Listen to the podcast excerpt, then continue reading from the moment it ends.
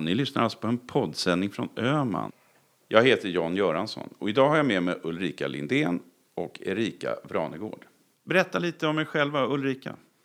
Ja, jag är eh, fondförvaltare och jag började i marknaden och förvalta fonder redan 1995, så jag har hållit på ganska länge och var ansvarig för krediter på Swedbank och byggde upp deras kreditfonder och eh, sedan på DNB.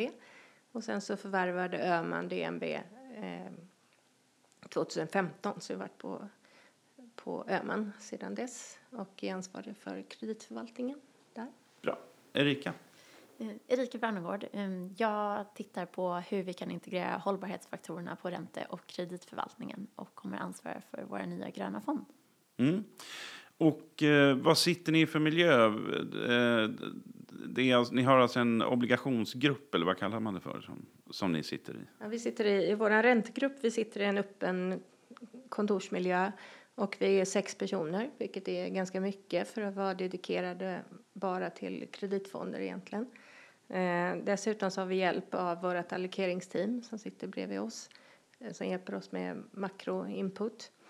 Eh, och det som är bra med vår grupp är att vi är så väldigt blandade. Vi är väldigt blandade geografiskt, eh, åldersmässigt, erfarenhetsmässigt och eh, utgör av slumpen kan man säga ett fantastiskt bra team. Vad roligt att få prata med er om det här. För nu ska vi prata om en viktig nyhet från Öhman. Vad är det vi ska prata om, Ulrika? Eh, Öhman gjorde en jätteomsvängning 2015 till att bli det mest hållbara fristående fondbolaget. Och DNB som han förvärvade 2015 har också varit hållbart under väldigt lång tid. Och eh, nu går vi ett steg längre. Vi har haft hållbara fonder. Med hållbara så menar vi absolut högsta etiska nivån som vi har. Men nu startar vi också en grön obligationsfond och det är det vi ska prata om idag. Just det. Så Öhman ska alltså ge allt från småsparare till stora institutioner möjlighet att satsa på att världen ska vara beboelig även i framtiden skulle man kunna säga. Ja, och vi kommer visa det under eh, presentationen att förr så fick man skilja på välgörenhet och eh, investeringar och i dagsläget så behöver du inte skilja på det utan du kan faktiskt vara en god investerare och få bättre avkastning på det. God människa, bra investerare och tjäna pengar dessutom. Eh, Erika, eh, det är du som ska förvalta den här fonden. Ja, precis. Tillsammans med Ulrika. Ja, eh, och jag tittade in på Morningstar här precis innan och då låg det 100 kronor och 4 öre i fondkapital i den här fonden. Att, Ja, lite mer än så har vi fått in det kan jag ja, ni säga. har fått det nu. Men vad är det som kommer att hamna här? Vi kommer investera i gröna obligationer och det är obligationer som investerar i projekt som främjar en klimatpositiv framtid. Mm. Ja, när man pratar om inriktningen i de här gröna obligationerna och eh, när ni pratar om vilken inriktning ni vill se. Erika, kan du nämna någonting om det? Ja, det händer ju som sagt väldigt mycket spännande på den här marknaden och eh, Öhman var ju den första nordiska kapitalförvaltare som gick med i Green Bond Principles. Ehm, och Green Bond Principles det är ju det internationella ramverket för hur man emitterar en grön obligation. Och det består ju av fyra olika delar. Eh, den första delen är use of proceeds, vad då det upplånade kapitalet ska göra. Och här är det till skillnad från vanliga obligationer med gröna obligationer öronmärkt att det bara får finansiera eh, gröna projekt. Det andra är att det ska finnas en klar och tydlig struktur inom organisationen, hur man bestämmer vilka projekt som får finansieras under det här ramverket.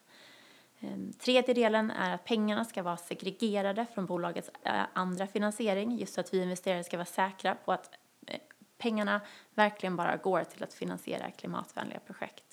Och den fjärde och sista delen är att det ska finnas eh, en rapportering som sker minst årligen när emittenter rapporterar tillbaka till oss hur mycket av pengarna som har använts, vad det har finansierats samt även kan rapportera på olika impact metrics då, hur bra man har varit på att leverera klimatfördelar. Och Green Bond Principles fick i juni nu sällskap av Social Bond Principles när man satt upp ett liknande ramverk för hur man kan emittera sociala obligationer. Och det är för att främja eh, mindre gynnade socioekonomiska grupper i samhället och ge alla en bättre chans. Och det här ligger helt i linje med FNs Sustainable Development Goals Eh, som man, medlemsstaterna inom FN har kommit överens om att vi 2030 ska uppnå 17 stycken olika mål. Eh, från att utrota fattigdom eh, till att minska klimathotet och öka jämlikheten på vår planet. Så vi ser att väldigt många fler projekt kommer kunna finansieras som leder till att vi når våra mål som är satta för 2030. Och det är alltså i första hand de här 17 målen som de här obligationerna ska handla om? Då. Det gröna, eh, gröna obligationer fokuserar framför allt på mål nummer 13 som är climate action och hur vi då kan, eh, eh, kan minska eh, klimatpåverkan. Mm. Och det som Öhman har gjort på den här sidan det är att vi faktiskt är medlemmar i Green Bond Principle som var faktiskt den första nordiska kapitalförvaltaren som eh, gick med som medlemmar. Um, och vi, nu är det en till som är med tror jag. Mm. Ni är ju lokförare i alla fall då? Ja, vi är lokförare. Dessutom, förutom Green Bond Principles, så är vi också eh, med i kommittén på PRI. PRI står ju för Principle of Responsible Investments. Eh, och själva målet med den organisationen är egentligen att man ska ta bort eh, R i det här så att det ska vara Principle of Investments i framtiden. Ehm, och de flesta större kapitalförvaltare i hela världen har ju skrivit under det här. Men det som vi har gjort är att vi är med i kommittén där man eh, utarbetar ett samarbete med ratingbolagen så att de integrerar sin hållbarhetsanalys i ratingprocessen. Eh, och det är ett arbete som har pågått ett tag och det är ja. stora framsteg. Man har väl redan tagit bort det här ärret för ni eh, investerar väl ingenting i, i, eh, i företag som inte är, har ett hållbarhetsarbete? Nej, vi har ju tre olika nivåer på etisk och den grundläggande etiska nivån är väldigt hög. Och sen så, ehm, men den högsta etiska nivån som är hållbar, där vi också för eh, dialoger med företagen, ehm, kommer den här nya gröna fonden också vara. Så den kommer vara både grön och hållbar. Mm. Så då hamnar vi högst, högst i mm. ligan.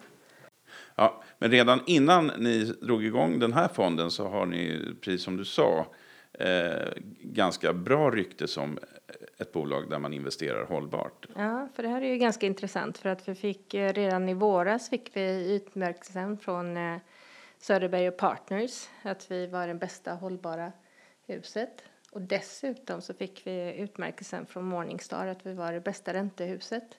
Och det är ganska intressant eftersom det precis har slagits ihop från DNB och eh, Öhman. Och eh, att få utmärkelsen att vara bästa hållbar och bästa räntehuset skapar ju ganska bra förutsättningar för att skapa en hållbar grön fond. Och det finns ju då tydligen eh, utrymme att bli ännu bättre. Erika, de här obligationerna som kommer att finnas i den här portföljen, vad är målen med de obligationerna mer än att ge avkastning så att säga till investerarna? Målet är just att eh, de här obligationerna ska främja klimatpositiva projekt som bolagen finansierar och därav så ger investerare i sin tur möjlighet att skapa mer än avkastning med sina pengar och faktiskt lämna ett positivt avtryck för framtida generationer. Okej, okay, eh, men, men Ulrika, du pratade lite grann om tidigare att, eh, att det här är ett sätt att gå från att bara tänka på miljö och grön, grönt hjärta som välgörenhet till att tänka som investering. Mm. Eh, ska, ska inte miljörörelse och, eh, och politiker lösa de här problemen åt oss? Alltså? De har ju försökt i ganska många år, men det går ju väldigt mycket snabbare om kapitalet är med. Och det har varit en väldigt resa. När jag började förvalta fonder 95 så var det enda man tänkte på maximal vinst. Man hade inga avseende över ESG överhuvudtaget. Det var väldigt ovanligt. Eh, och nu har det vuxit fram en marknad där man faktiskt kan eh, både vara god, grön och få bra avkastning, till och med bättre avkastning än man får på traditionella investeringar. Och det som, eh, det som man kan säga som ett tydligt exempel är att företagsobligationer som vi investerar i, som är investment grade, de ska ju normalt inte sett gå i konkurs, utan de är investment grade. Eh, de konkurser som ändå har varit inom investment grade, eh, vi har Parmalat, vi har Emron, vi har Levan och några fler, beror på brister i ESG egentligen. Och den eh, analysen som har vuxit fram de sista tio åren gör ju att vi får bättre riskjusterad avkastning. Vi får, alltså, alltså man förlorar inga pengar utan man tvärtom tjänar pengar. Att du får säkrare bolag till Konkursrisk det är idag det är att inte ha ordning i hållbarhetspappren alltså, kan man säga. Nej, men eh, när det är så hård fokus på hållbarhetsgrejerna så är det väldigt svårt att... Mm. Men det har ju hänt en del då, som du säger, ja. för tio år sedan då riskerar man nästan att bli av med jobbet om man skulle prata för mycket om sådana här saker som förvaltare. Ja, absolut. För tio, eller i alla fall för 20 år sedan så var ju det nästan att de som höll på med ESG-frågor blev nästan lite utfrysta på sina arbeten. Mm, mm. Mm. Men nu är det inte så längre och nu är Rika då, nu ska du hitta sådana här projekt, du tillsammans med Ulrika. Men det är fortfarande ändå en ganska liten marknad. Kommer det att vara lätt, tror du, att hitta obligationer och fylla den här portföljen med? Marknaden började ju 2008 när Världsbanken gav ut sin första gröna obligation. Och den gavs ut i svenska kronor med svenska investerare som investerade kapitalet. Och sen så, så hade vi Göteborgs stad som kom ut och gav ut den första kommun och landstingsobligationen något år senare. Och efter det så såg vi Vasakronan som den första gröna företagsemittenten av gröna obligationer. Och framförallt då sen efter 2013 när vi har sett fler internationella aktörer komma in i marknaden så har vi sett en rent av exponentiell tillväxt eh, inom den gröna obligationsmarknaden. Så jag ser goda möjligheter att hitta, hitta bra investeringar inom just det här området. Och eftersom, precis som jag varit inne på tidigare, så är det en prioriterad fråga hos politiker vilket kommer rulla igenom sen genom lagstiftningar så att företagen kommer behöva att anpassa sina affärsmodeller för att vara i linje att möta våra globala mål som FN har satt att vi ska vara med Agenda 2030. Mm. Och mycket av det här som du beskriver, det, det har, börjat, har ju börjat i Sverige just. Och, Precis. och jag tittade och såg att av alla gröna obligationer, all, alla pengar som ligger i de här instrumenten, så ligger 5% i svenska kronor. Mm. Och det är alltså åtta gånger mer än vår andel av BNP. Det är ju ganska eh, otroligt egentligen. Vad, vad tror ni att det här beror på, Ulrika? Nej, men det är ganska roligt för att eh, Sverige var ju faktiskt den första banken, eller första landet som emitterade den gröna obligationen. Så vi var ju först och störst ganska länge. Och sen har andra, de större, eh, större marknaderna kommit ikapp som euromarknaden och eh, dollarmarknaden och nu även kinesiska marknaden som växer otroligt snabbt. Men att vi fortfarande har en marknadsandel som är 5% är otroligt stort. Och det kan ju bero på att vi kanske var först, lite föregångare. Okej, okay, så man kan säga att Sverige är ju då loket i den här utvecklingen. Eh, och vad är det då som gör Öman till lokförare? Vad är det som är speciellt med fokus i just er gröna obligationsfond, Erika? Eh, vi ämnar ju främst fokusera på att investera i gröna företagsobligationer för vi ser att marknaden är nu mogen.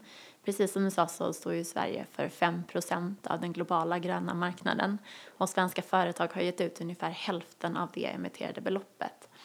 Ehm, så det finns många bolag som är ledande här inom Sverige och inom Norden i ESG-frågor och också i att emittera gröna obligationer.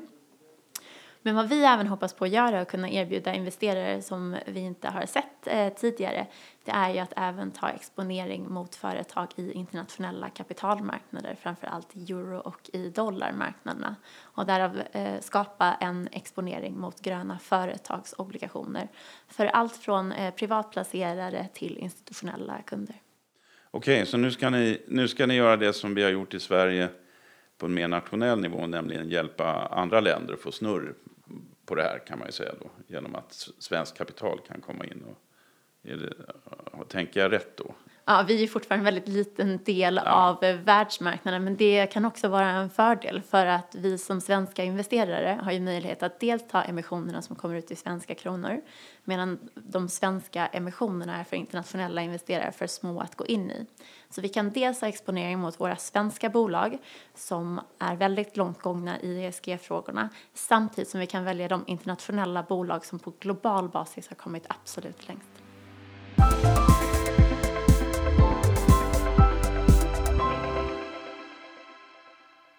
Jag vill inflika att historisk avkastning är ingen garanti för framtida avkastning. De pengar som placeras i fonder kan både öka och minska i värde och det är inte säkert att du får tillbaka hela det insatta kapitalet. Vi rekommenderar att du läser fondens faktablad och fullständiga informationsbroschyr innan du köper andelar i en fond. Ja, ni lyssnar alltså på en poddsändning från Öman och idag pratar vi om den gröna obligationsfonden som Öman just precis nu lanserar.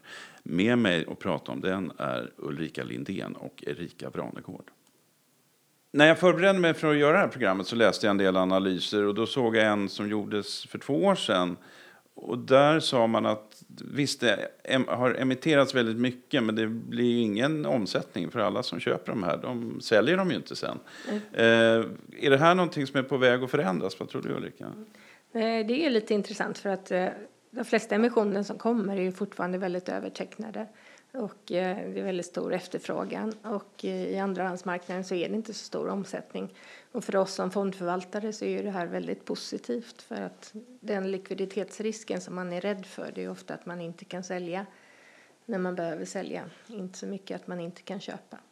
Och att man kan köpa eftersom emissionsvolymerna dubbleras varje år ehm, så eh, tror vi att det finns tillräckligt mycket att köpa. Och ni kan hjälpa till då med likviditet genom att sälja, ni kommer, ni kommer ju att sälja en del obligationer i fonden. Om man säger Förhoppningsvis så. så kommer det till eh, fler eh, aktörer så att man har en bättre andrahandsmarknad. Men i dagsläget så är det väldigt, väldigt lätt att sälja på andrahandsmarknaden och eh, väldigt lätt att köpa på förstahandsmarknaden, på primärmarknaden. Mm när vi pratar om de här projekten som de här företagen investerar i. Du pratar Erika om fastighetsbranschen, att de är, de är stora här och har mycket för sig. Eh, om, jag, om jag frågar er var och en, har ni något riktigt roligt sånt här projekt som man kan krydda med? Som ni säger att det här är kul att vara med och finansiera? Eh, nej men fastighetsbranschen är ju tidigt ute för att det är också ganska enkelt för dem att hitta projekt som är, för att du hittar eh, projekt där du kan spara energi. Du kan göra eh, energibesparingar, du kan sätta in eh, vattenmätare i lägenheter och sånt som inte har funnits tidigare. Eh, så att varje enskild eh, hyresgäst till exempel får betala för sin egen vattenförsörjning som inte har funnits tidigare. Och då får du ner energimängden. Du kan få ner den 20-25 procent. Så det är väldigt tacksamt för fastighetsbolagen att att ändra om sina befintliga fastigheter till eh, mer energi. I dagsläget skulle jag säga att eh, de bolag som har emitterat har ju kommit väldigt långt med de här frågorna. Men om jag får välja en drömemittent eller bransch som skulle komma in på den gröna marknaden så skulle det vara shippingmarknaden. Eh, för att den har så få internationell eh, reglering som gäller sig just och jag tror att vi som kapitalinvesterare kan vara med och hjälpa till i omställningen. Och det är precis det som vi också vill göra med den här fonden, att vara med och finansiera omställningen till en fossilfri ekonomi. Så det är min drömemittent på gröna marknaden. Ja, lustigt att du säger, för jag ganska nyligen läste jag att de här eh, stora fraktfartygen de svarar ju för ungefär lika mycket utsläpp som alla världens bilar tillsammans. Mm. Exakt. Så där finns det saker att göra. Där verkligen. kan vi göra skillnad. Verkligen spännande. När man pratar om obligationsfonder så här traditionellt då så, är, så tänker man ju säkra investeringar och lågriskinvesteringar ganska mycket. Lite tråkigt nästan. Ehm, och, och, med det ränteläget vi har idag så, så känns det ju nästan ännu mer tråkigt. Så där. Men, men så här riktigt är det väl inte med den här fonden, eller? Ehm, ränteläget är ju som det är och det kan inte vi påverka. Att Riksbanken har en negativ ränta på 50 punkter. Det som vi försöker är att man ändå ska hitta en form där man fortfarande kan få positiv avkastning och eh, eh, någon form av avkastning egentligen på, på sin ränteplacering. Och det har vi gjort genom att kombinera alla de bästa fonderna egentligen som vi har på Öhman. Eh, vi har bestämt oss för att vi ska ha en duration som är ungefär två år. Det kan variera uppåt och neråt.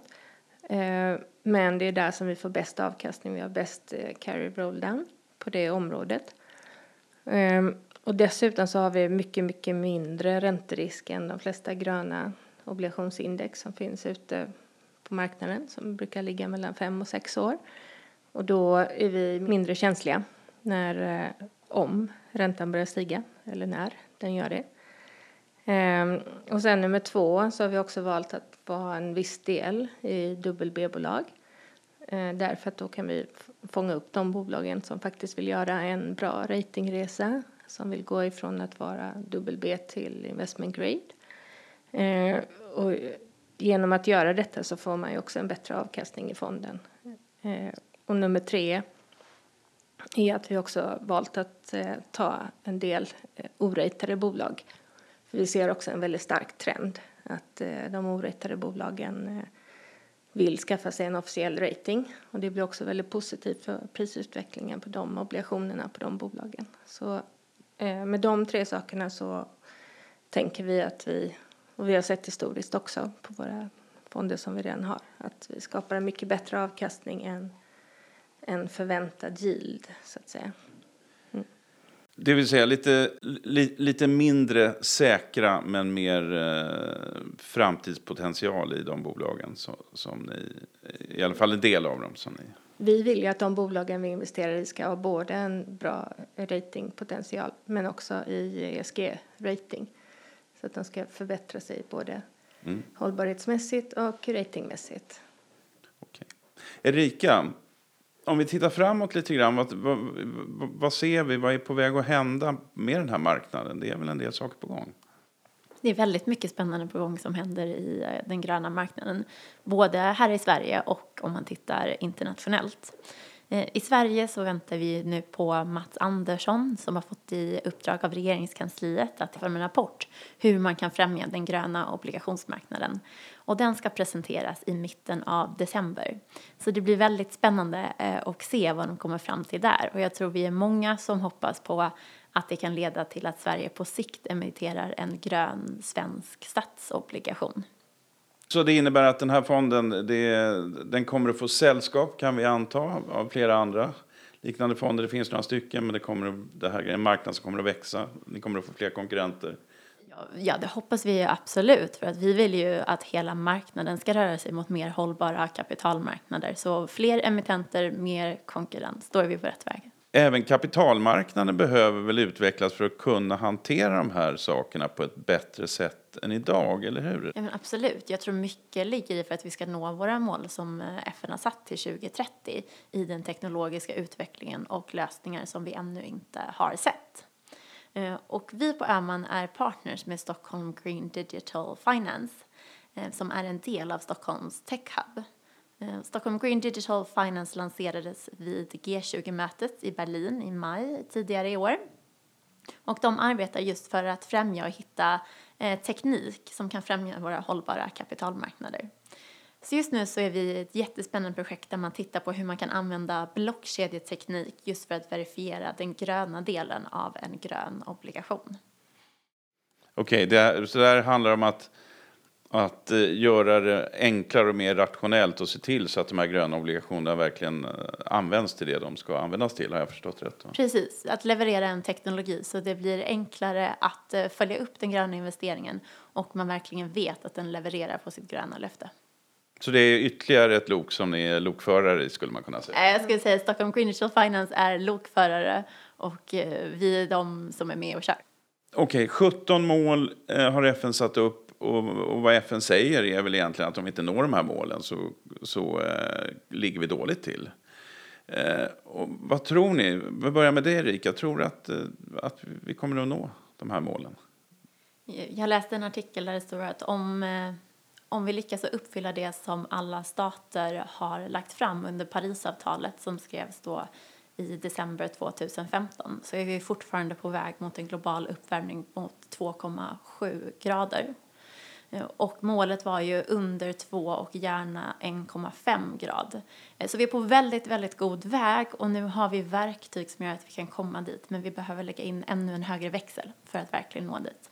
Men det tror jag att vi kan fixa.